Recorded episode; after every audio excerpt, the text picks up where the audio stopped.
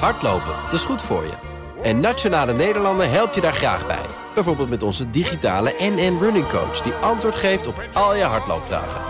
Dus, kom ook in beweging. Onze support heb je. Kijk op nn.nl slash hardlopen. DNR Nieuwsradio. Boekenstein en de Wijk. Hugo Reitsma. Overleeft de euro een Italiaanse crisis? dat Italië een tekort op de begroting laat oplopen waar het juist omlaag zou moeten. Volevo diventare re. De Europese Commissie beschouwt dit als een ongeziene inbreuk op de Europese regels. Non volevo solo partecipare alle feste. So Marcus will really have to look at that very critically. Volevo avere il potere di farle fallire.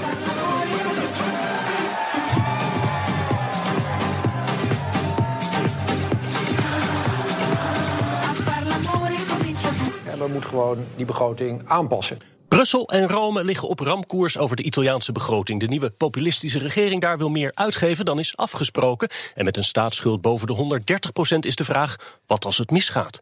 Welkom bij Boekenstein en de Wijk, op zoek naar de nieuwe wereldorde. Met in de studio, voor al uw Italiaanse toestanden, Arend-Jan Boekenstein. En uw betrouwbare bron voor doemscenario's, Rob de Wijk. Daarnaast nodigen we ook altijd iemand uit met verstand van zaken. Onze gast, Maartje Wijfelaars, econoom bij de Rabobank... en schrijver van het rapport Kan Italië per ongeluk uit de euro vallen? Welkom, Maartje. Dank je. Ik heb wel eens een saaier bankenrapport gelezen. Ja, dat geloof ik. Wij zijn dol op doemscenario's. Zullen we eventjes speciaal voor Rob beginnen met het zwartste scenario? Ja, Wat kan er echt helemaal misgaan? Nou, vooropgesteld, dan moeten er echt heel veel opeenvolgende verschi- ehm, verkeerde beleidsbeslissingen genomen worden. Dus het is absoluut niet een scenario wat wij nu verwachten. Het is echt een gedachte-experiment van wat moet er allemaal misgaan. In om- Italië. In Italië. Dank je. Ehm, om tot een eh, eh, ja, onbedoeld vertrek eigenlijk te komen. Ja. Omdat we er wel echt nu ook van uitgaan dat de regering Italië niet bewust eh, uit de eurozone wil, Ja. wil halen. Ehm, dus, dus dat Met we- deze kwalificatie? ja, met deze kwalificatie. Ehm, nou, allereerst moeten we daar dan van uitgaan dat de Italiaanse eh, regering doorgaat in de, met de huidige koers. Dus de huidige koers is ingeslagen met heel veel uitgeven. Meer dan dat eh, verantwoordelijk is voor, hè, gezien de hoge schuldenlast die ze al hebben. En volgens de Europese begrotingsregels. Dat ze meer blijven uitgeven. En dat ze het hele pakket wat ze eigenlijk in het regeerakkoord hebben aangekondigd, gaan uitvoeren. Nou, dat zal uiteindelijk leiden tot een oplopend begrotingstekort van meer dan 5%, mogelijk wel 8%. Dat is nu ook nog niet aangekondigd, maar daar gaan we hier wel even van uit dan. Nou, die kans is vrij groot, lijkt me hoor. Als doemdenker. Al- In het doemscenario. Goed daarop. Ja, even, even stap eventjes helemaal naar het eind. We gaan zo de Ja. scenario's Oh, ja, doorlopen. wat, wat, kan, wat kan het zwartste scenario zijn? Het zwarte ken- scenario kan uiteindelijk zijn dat Italië eh, wordt afgekoppeld van het monetaire systeem. Europese moderne systeem. Europese monetaire systeem. En daardoor ja, eigenlijk de facto gewoon ja, uit, uit de euro valt. Ja. Het is dan nog steeds niet officieel juridisch een feit, maar ze nemen dan geen deel meer aan het monetaire systeem, het Europese En wie monetaire neemt dat besluit? Zijn dat de Italianen zelf of is dat de Europese Unie? Zijn dat alle lidstaten? Nee, die, die afsluiting van het Europese monetaire systeem zou dan genomen worden door eh, ja, de, de ECB en Ja. eh, de andere lidstaten. Oké. Arend-Jan, mag ik jou eventjes de Italiaanse woordvoerder maken? Wat wil de regering in Rome nou precies? Nou, dat is een goede vraag. Eh, en, en er, wordt, er wordt ontzettend over gespeculeerd.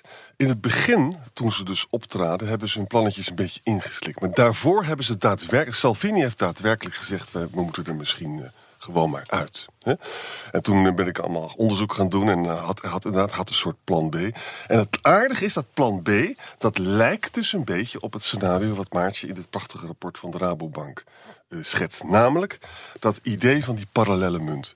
Wat overigens ook al de afgelopen acht jaar in allerlei rapporten steeds verschuift. Ook bij Duitse economen wordt er een beetje over, over Ja, nagedacht. maar, en maar zo. wat, wat willen ze Ja? nou echt? Ik, Wat ze willen is gewoon. zij vinden dus dat, dat ze willen echt een soevereiniteit herwinnen. Ze willen gewoon zelf eh, dingen doen. En ze denken dat, eh, dat ze de enorme economische schade die ze daarmee dus eh, krijgen, dat ze dat uiteindelijk op de lange termijn kunnen mitigeren. Ik hoorde ze ook zeggen van de economie die, die gaat al een beetje naar beneden. Dus we moeten meer uitgeven om het op stoom te houden. Zit daar, Maartje, als, als econoom, zit daar ook niet wat in? Of is dat een onzinredenering? Nou, ze, je doelt nu op uh, de, de, reactie op de stilstand van de economie in het derde kwartaal, denk ik. Oké, okay. uh, ja, ik denk ja. dat ik daarop doe. Ja.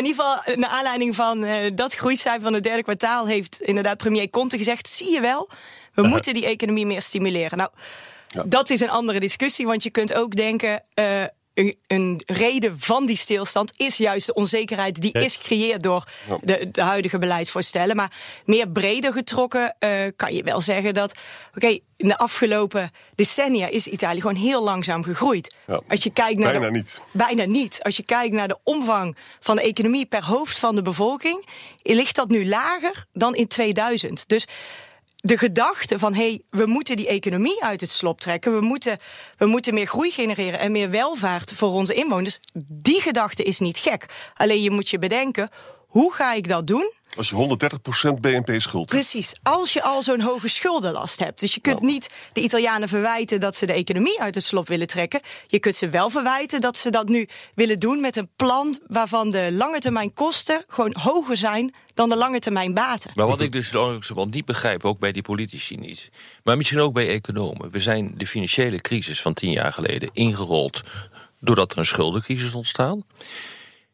Met andere woorden, werd toen gezegd: we moeten die schulden afbouwen. En nu wordt er weer gezegd: we moeten nog meer schulden maken. We moeten nog meer schulden maken om uit de financiële, om, uit, om de economie te laten groeien. Wat is dit voor waanzin? En dat is de, ge, dat, de gedachte, tenminste zover ik het kan inschatten, zover ze zelf aangeven. Uh, de Italiaanse overheid. Nou, ik hoor het hier ook in Nederland hoor. Ja. We moeten dit land niet kapot bezuinigen. Daarmee bedoelen ze dat we minder extra schulden gaan maken. Ja, maar er is wel een heel groot verschil Dat tussen klopt. de Nederlandse Dat situatie en de. Italiaanse Ja. situatie. En wat we hier eigenlijk toch vaak zien in Nederland is dat we in tijden van crisis eigenlijk hè, de, de overheid de bevolking aanspreekt van jongens, het gaat slechter, dus we moeten eigenlijk allemaal nu even een steentje bijdragen eh, om toch die, die overheidsfinanciën op orde te houden. Dus hè, we verzwaren wat lasten en, en, en eh, ehm, we verlagen de uitgaven om de boel op orde te brengen. En dat is eigenlijk procyclisch beleid, wat we ook in de Ja. rest van de eurozone wel hebben gezien. En wat ze nu, zeker de Italiaanse regering nu zegt, is: dit heeft niet gewerkt. Dit werkt gewoon al heel Maar heeft lang dat, nou, niet. Dus heeft dat nou met de economie te maken? Of is eh, eh, Italië nou gewoon een slecht geleid land? Om het maar heel simpel te zeggen. Met onoverbrugbare verschillen tussen het noorden en het zuiden. Het Corruptie. zuiden, wat, wat eigenlijk gewoon een stuk. Wat eigenlijk gewoon een ontwikkelingsland is. Het noorden, wat, een, nou, wat het niveau heeft van bijvoorbeeld eh, de lidstaat Beieren van, eh, van Duitsland. Inderdaad, eh, Jan, corruptie, nepotisme, cliëntelisme. Gewoon slecht, slecht beleid. Ik bedoel, als je dus kijkt naar Berlusconi, die man is toch eh, tien jaar aan de macht eh, geweest of iets dergelijks. De economie is 1% gegroeid. Hij is zich vooral bezig gehouden met wetgeving om ervoor te zorgen dat hij zelf niet in de bak komt. Ja, nou ja, precies. Kijk, er zijn eigenlijk er zijn een aantal eh, facetten en één daarvan is inderdaad slecht beleid. Want het probleem van Italië, dat is eigenlijk dat, dat gaat al decennia terug. Eh, en de last die ze nu al een aantal decennia meedragen, is de opbouw van de schuld in de jaren 70, 80 eh, voor korte termijn. Ja, winsten. Consumptie. Consumptie. Ja, consumptie en, en, en de overheid die eigenlijk die stemmen wilde kopen. Nou, dat is misschien destijds ook wel gelukt. Maar dat betekende ook dat op een gegeven moment de rentelasten enorm opliepen. Al, al in die jaren 80, jaren 90. Waardoor op een bepaald punt de overheid daar genoodzaakt was om eh, uitgaven te korten, lasten te verzwaren. Simpelweg om aan die rentelasten te voldoen. Om die, die rentebetalingen te kunnen voldoen. Dat heeft destijds, al, al sinds die tijd, eigenlijk de groei gedrukt. Dat is één ding. Het andere is, precies wat u net aanhaalt. ehm, er is sprake van corruptie. Er is een inefficiënt eh, publiek apparaat. Er is een heel slechte omgeving eigenlijk om zaken te doen. Het onderwijssysteem is niet goed. Nee, er zijn gewoon heel veel structu- structurele factoren eh, die, die, ja, die die potentiële groei van de Italiaanse economie tegenhouden. Exact. Kortom, er moet hervormd worden. En Ja. dat Ja. gebeurt niet. Het ligt dus niet aan de euro dat Italië probleem is. Het ligt aan zeer niet aan de Europese Unie. beleid. Hoe, de stand van zaken is nu ja. dus dat de Europese Commissie heeft de hele Italiaanse begroting eh, teruggestuurd. Hè? Dat, is, dat is voor het eerst, geloof ik. Ja. De, de Italianen geven geen krimp. Wat is nu waarschijnlijk dat, dat de Commissie gaat doen? Gaan die boetes uitdelen? Dat is wat ze Ja, kunnen dat- doen, heb ik dat- begrepen. Dat, kan oplopen tot, ja, dat weet jij beter, Ja, 3,5 het is- miljard of iets dergelijks. Maar ja, het is dan eh, tussen de begint bij 0,2% van het BBP. eh, van het Italiaanse BBP kan oplopen tot een half procent van het Italiaanse BBP. Nou, dat, het Italiaanse BBP is ongeveer 1800 uh, miljard. Een miljard. Dus, uh, ja, dan kom je dat op ja. ja. Um, dus, maar wat ze nu eerst uh, moeten doen is een procedure openen, een, een, een um, tekortprocedure openen.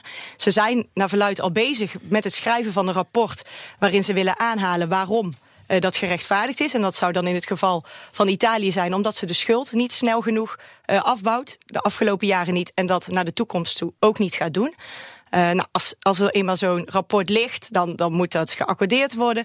Dan kan die procedure geopend worden. Moet er een plan opgesteld worden met nieuwe uh, targets voor begrotingstekort, structureel begrotingstekort, uh, nominale schuldafbouw. en dan moet de Italiaanse regering eigenlijk maatregelen voorleggen van oké, okay, zo denken wij die targets en te gaan halen. En daarvan zeggen ze dat doen we niet. Nee, Precies. Dat, nou, dat zeggen ze nu in ieder geval. Ze zeggen nou ja, ik dus... deed, we weten dus wel met dit soort populisten... en ze kijken natuurlijk gewoon naar Trump aan de andere kant van de oceaan... die gewoon zeggen van ja, maar we doen het niet en bekijk het maar... en ik trek mijn eigen plan, want het is het beste voor mijn mensen... en dit ja. is de belofte die ik aan mijn kiezers heb. En Salvini noemt ook Trump, want het werkt big spending. Hè? Ja. Maar vergeet even dat 130% van het BBP is... en in Amerika is het daar. Maar is het waarschijnlijk dat de Europese Commissie ook echt zo hard optreedt? Ja, denk Eerder hebben ze dat ja, natuurlijk denk, niet gedaan, hè? met. Frankrijk Ik denk meer. het wel, want je moet wel, zo langzamerhand voor je eigen geloofwaardigheid... realiseren, wanneer was dat? 2003. Uh, toen uh, de Duitse en Franse economie in een dipje zaten... die hebben zich toen niet gehouden aan het... Uh, aan de begrotingsregels van de Europese Unie. En dat heeft een behoorlijke impact ja. gehad in andere landen. Die hebben gezegd, van, ja, maar als deze grote spelers dat niet mogen... dan mogen wij dat natuurlijk ook. En als je dat dus uh, met z'n allen je niet meer aan die regels gaat houden... dan doe je gewoon een grote klerenbende. BNR Nieuwsradio. Boekenstein en de Wijk. Op zoek naar de nieuwe wereldorde. Dit is Boekenstein en de Wijk. En dat programma is natuurlijk niet zonder Arend-Jan Boekenstein en Rob de Wijk. En vandaag niet zonder Rabo-econoom Maartje Wijfelaars. Mijn naam is Hugo Reitsma en we zitten te genieten van de Griekse scenario's, maar dan in Italië. Um, Maartje, Stel, ja. jij bent de financiële markt. Rob is duidelijk de strenge Europese Commissie en Arend-Jan is de Italiaan. Hoe gaat het nu verder? Hoe gaat het nu verder? Nou, kijk, op dit punt uh, loopt de, de druk van de financiële markten nog niet hoog genoeg op om de Italiaanse regering te dwingen een andere koers in te slaan. Om Arjan onder druk te zetten. En dat komt omdat de ECB Italiaanse obligaties nog opkoopt. Deels, maar dat is, natuurlijk, dat is wel al aan het afbouwen ja. richting dus, het einde van het en jaar. Dus de druk wordt dus hoger als dat is afgelopen. Dat klopt, mm -hmm. dat is zeker waar. En dan nog altijd is het zo.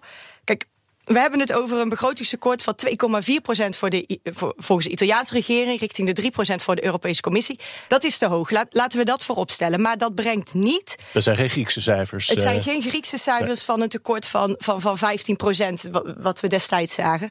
Uh, plus we weten nu ook waar we aan toe zijn. Dat wisten we bij de Grieken ook niet. Daar werd nogal wat gevoeteld met de cijfers. Hm.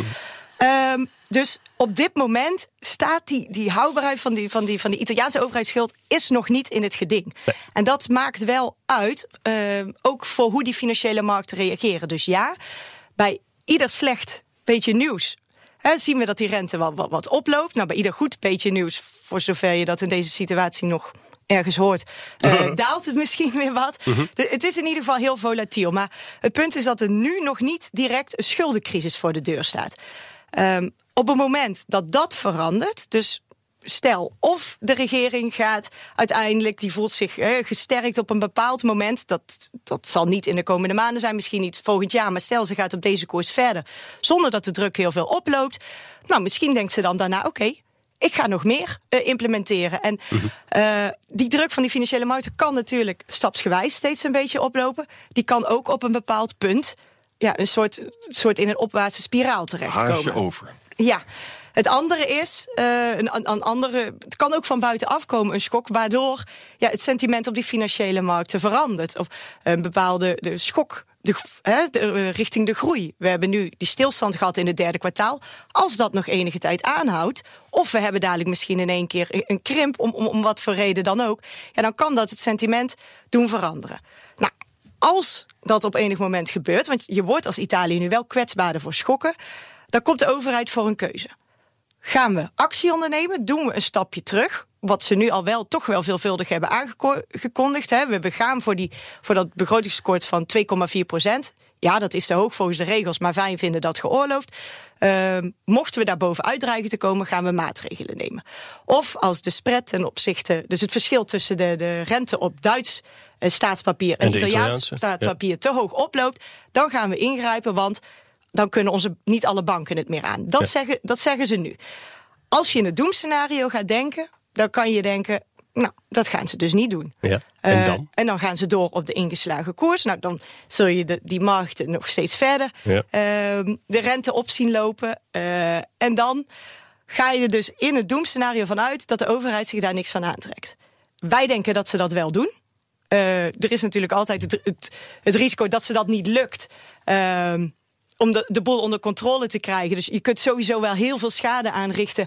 Ook al heb je uiteindelijk de intentie om wel weer eh, ja, de, de boel te repareren. Maar dan denken wij nog steeds: oké, dan of de huidige regering komt bij zinnen, of het valt uit elkaar, dan komt de technocratische regering. En dan wordt het alsnog opgelost. Maar goed, voor nu in het doemscenario gaan ze door op de ingeslagen weg. Eh, die markten die blijven maar de druk opvoeren. En op een gegeven moment komt de overheid in de problemen om de schuld te financieren.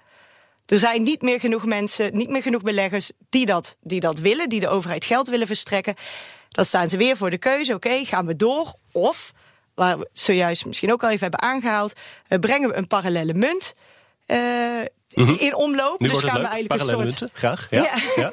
gaan we een soort. Hè, we hebben dat ook al in de plannen wel af en toe ergens voorbij zien komen. ja. We gaan dan eh, bijvoorbeeld ambtenaren Betalen met parallele munt. ja, met, met een bepaald papiertje uitgegeven door de staat, wat ze dan weer kunnen gebruiken om eh, belastingaangifte te voldoen. Nog steeds niet officiële parallele munt, maar het krijgt er dan wel Ja. eh, wat schijn van. Parallele munt, dan denk ik, dan komt er een bankrun, dan komen er kapitaalrestricties en uiteindelijk dondert de hele boel in elkaar. Ja, Is nou, dit de korte samenvatting? Ja, alleen nog sla je wel er nog steeds een heel Ah, aantal dat vind ik, momenten wel even, over. vind ik wel even goed, want we hebben maar een half uurtje voor de hele uitzending. En eh, Rob, jij zei ook, ja, dit zijn natuurlijk allemaal economische aspecten. Je hebt ook Ja, nog nee, het politieke aspect nou ja, waar je ik- rekening ik mee denk moet dat, houden. eh, als dit soort processen op gang gaan eh, komen, en we zien dat nu al gebeuren, omdat Italië heeft gezegd: ja, we houden ons niet aan de regels. Kijk, moet je eens bedenken, als we in Nederland zeggen: we houden ons niet meer aan de regels en we gaan nu door het rode stoplicht rijden, wat het voor klerenbende wordt. Dus die regels die ordenen de betrekkingen tussen landen. Met name de noordelijke landen willen absoluut dat die regels geëerbiedigd eh, worden. En die zijn daar veel minder soepel in dan de zuidelijke landen. Dus als dit eh, alleen al het feit dat zo'n land zich niet aan de regels gaat houden, dat gaat politiek enorme implicaties hebben in een Europese Unie die toch al wankel is. Eh, Nou, is mag ik er even aan herinneren dat minister Hoekstra eerder dit jaar in maart een alliantie heeft ges- gesmeed met een aantal noordelijke landen om de Europese Monetaire Unie te versterken. Daar hebben ze een aantal strengere voorstellen regels, gedaan. Veel Ja. strengere regels. En die staan haaks op dit soort eh, grappen en grollen van bijvoorbeeld Italië of destijds van, eh, van Griekenland. We gaan nou niet even uitleggen precies wat daar besloten is. Maar waar het om draait, is dus dat die noordelijke landen nu bezig zijn om hun positie te bepalen ten opzichte van die zuidelijke landen. En het zou heel goed kunnen dat omdat die eh, Italianen nu bezig zijn om de regels aan hun eh, laars te lappen, de noordelijke landen op een gegeven moment zeggen van jongens, maar dan gaan we naar een Europa van twee snelheden. En dan- Of we gaan nadenken over een zuidelijke euro, daar heb je hem weer, en een noordelijke euro. Die discussie hebben we ook gehad eh, tijdens de Griekse crisis. Het zou mij niet verbazen als dat gaat gebeuren. En dat ook nog een keer in de context van de brexit. Dat, eh, Dit mag je niet los van elkaar De zien. onzekerheden stapelen zich op. Hè? Ja. Het leuke is, eh, wat, wat Rob nu zegt, dat sluit dus ook een beetje aan bij het afkoppelingsscenario van, van jou. Hè? Dat vind ik eerlijk gezegd eh, dat is heel interessant. Het betekent niet dat de, dat de Afkoppeling euro... van de euro bedoel Ja, je? nee, de afkoppeling van dus het Italiaanse lek ontstaat dan. En daar wordt te veel geld uitgegeven. Daar heeft de ECB in heel Europa last van. En dan wordt dus de, de neiging van de ECB inderdaad... we gaan dat gewoon niet meer accepteren. En dan koppelen ze het af. Ja, op het, dat Oh is dan op het moment. eh, Ja. Dat kunnen ze in principe wel pas op het moment eh, van. Ofwel, eh, nou ja, en die parallele munt. En als Ja. uiteindelijk de Italiaanse centrale bank. Eh, de Italiaanse eh, overheid monetair gaat financieren. Dus Ja. dat wat, wat nu verboden is. Dat ze schuld gaan Dat- opkopen. Geld drukken. ja, dat, ze, dat, ze- nou, dat, ja, dat de Italiaanse centrale bank gewoon de schuld Ja. van de Italiaanse overheid per emissie eh, gaat opkopen. Dus eigenlijk Oké. heel veel geld in omloop brengen wat nu niet mag. En nu even de politieke kant. Dit is het economische verhaal dat heel erg belangrijk is, want de economie bestaat echt.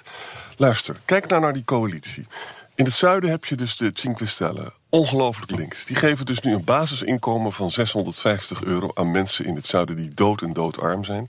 Ik zag een documentaire waarbij sommige mensen hebben dus gewoon geen baan, hebben ook nauwelijks een werkloosheid. Die leven van het pensioentje van hun mammy. Hè? Zo erg is het. Die hebben nu voor het eerst 700 euro. Cinque Stella, ze hebben het nog niet, hè? Nee, maar, nee, maar het gaat er wel komen. Want Cinque Stella zal dat niet laten lopen. En die zijn totaal niet geïnteresseerd in economische vaart. Die doen dat dus gewoon. Hè? Nou, dat is één. Twee is, Salvini is echt een hele rare partij. Hè? Partij, extreem rechtse partij.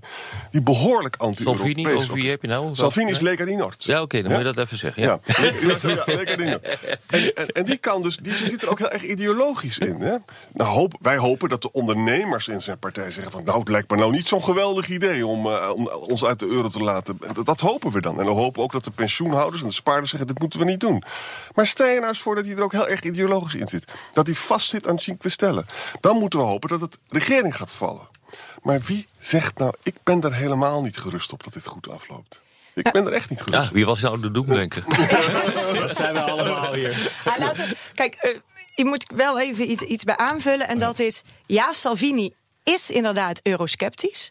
En, en, en zeker richt de regels, eh, et cetera, binnen de Europese Unie. Maar hij, is, hij blijft ook herhalen, richting de pers, binnen de deuren... we willen Italië niet uit die euro halen. Punt is alleen, hij zegt ook, maar we gaan ons ook niet aan de regels houden. We gaan die regels van binnenuit veranderen. Dus eh, de, de lastige dynamiek is hier dat ze. ehm, het gros, echt van wat er nu in de regering zit, wil niet dat Italië buiten die euro valt. Want die weten ook dat Italië daar last van zou Maar kunnen ze, hebben. maar, Maar, ze, die, maar ze willen ook de euro van binnenuit veranderen. Met Macron gaat het dus niet goed. Hè? Voor het eerst is Marine Le Pen een half procent hoger in de peilingen. Over drie jaar hebben we misschien Marine Le Pen. Dan krijgen we al die krachten die dus een soort eh, Sinterklaas-Europa Ja, willen dat maken. versterkt, dat versterkt Ja. mijn eh, conclusie alleen maar dat we onherroepelijk als deze tendensen zich door voortzetten. Een breuk krijgen. Nou, een breuk krijgen naar een twee snelheden Europa gaan op dit punt. ja, en toch zou je, als je dat. eh, kijk, Wat het zijn is daar niet, de, maar wat zijn daar de economische consequenties van? Nou, die zijn heel groot. Het, het hangt, kijk, Ja, het hangt wel heel dus erg ook. vanaf hoe je dat eh, vormgeeft. Als je dat, stel, heel theoretisch gezien. Nou, met zo theoretisch is dat niet. Hoe Ga nou, er maar eens echt over nadenken. Schrijf nog maar eens een keer Ja, eh, zo'n mooi stukje. We hebben ooit een scenario geschreven, eh, nu, wat is het, één of twee, ja, anderhalf jaar geleden, denk ik ongeveer, over een Europa van twee snelheden. Hoe dat dan zou moeten werken. Maar dan moet je dat met iedereen in overleg en met de steun van de ECB zou je dat moeten doen. Je kunt dat niet zomaar met een paar landen beslissen. Want dus we zijn zo met elkaar verweven via dat monetaire eh, stelsel. Helemaal mee eens. Helemaal mee eens. Maar dat is natuurlijk het hele punt in de huidige wereld. Dat interesseren een aantal politici niet. Ja. Maar wij Kijk hier in naar, het de, noorden kijk ook naar wel. de Britten. Kijk naar de Britten, wat er gebeurt op dit ogenblik met de Brexit. Het is totaal irrationeel. Jouw argumentatie is, die deel ik volledig. En toch stappen ze eruit. En je ziet dat er alleen al voor de transitie een akkoord nodig is van 585 pagina's. Eh, Dit kan ook niet. En vervolgens wordt het, eh, wordt, is de kans vrij groot dat zo'n akkoord wordt afgeserveerd. Dat gaat hier natuurlijk ook mee gebeuren. Er wordt een politiek besluit genomen om dit te doen. Ongeacht de economische consequenties, omdat men een gut feeling heeft dat het goed is voor de toekomst. En vervolgens wordt het, eh, wordt het gedaan en het wordt aan de technocraten overgelaten om dat eh, te regelen. Ja, Ja, nog, je nog één reactie op is. Kijk, ja, eens. Er, ge- gebeuren politiek van allerlei zaken die economisch. eh, Krankzinnig niet- zijn. Ja, Ja. Die, die gewoon onverstandig zijn. Ehm, maar dan nog steeds heb je wel dat je. eh, dat, de, kijk, dat de Italianen nu mee doorgaan. Die gaan gewoon door totdat ze echt die, die, die, die, die, die pijn ervaren. Maar toch, je gaat hier in het noorden, je moet toch wel. Het moet toch, naar mijn idee, echt nog wel heel veel verder escaleren. voordat je over andere Nee, maatregelen daar zijn we het helemaal nadenkt. over eens. Wat Ja. de situatie wel heel duidelijk maakt, is dat we hier het hierover moeten hebben. Dat er binnen Europa over gesproken moet worden. Zo want de het. manier zoals het nu is ingeregeld. Dat is niet houdbaar als je kijkt dat nationale overheden hun eigen gang kunnen gaan in principe. En daarmee de rest van de Unie ja, in gevaar kunnen brengen. Dus dat er iets moet veranderen, dat lijkt me duidelijk. Ja, dan Met zijn we het een eens. wankele euro richting de nieuwe wereldorde. Dit was weer een gitzwarte uitzending van Absoluut. Boekenstein en de Wijk. Namens Arend Jan Boekenstein en Rob de Wijk zeg ik dank voor het luisteren. Speciale dank aan Maartje Wijfelaars van de Rabobank. Boekenstein en de Wijk is elke zaterdag om 11 uur op de radio... maar wanneer u maar wil, online, via iTunes, Spotify... of uw eigen podcastprovider. Op de podcast kunt u ook reageren. Tot slot verwijs ik nog even naar onze extra editie deze week. Een nieuwe Brexit-podcast met onze eigen Europa-verslaggever Jesse Pinster. Check dat. En tot volgende week. Tot volgende week.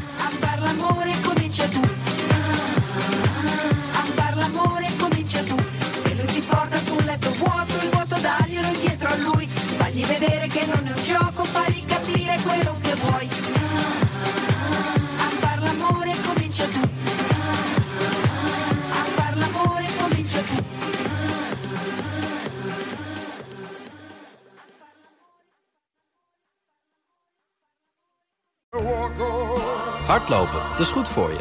En Nationale Nederlanden helpt je daar graag bij. Bijvoorbeeld met onze digitale NN Running Coach... die antwoord geeft op al je hardloopvragen. Dus, kom ook in beweging. Onze support heb je. Kijk op nn.nl slash hardlopen.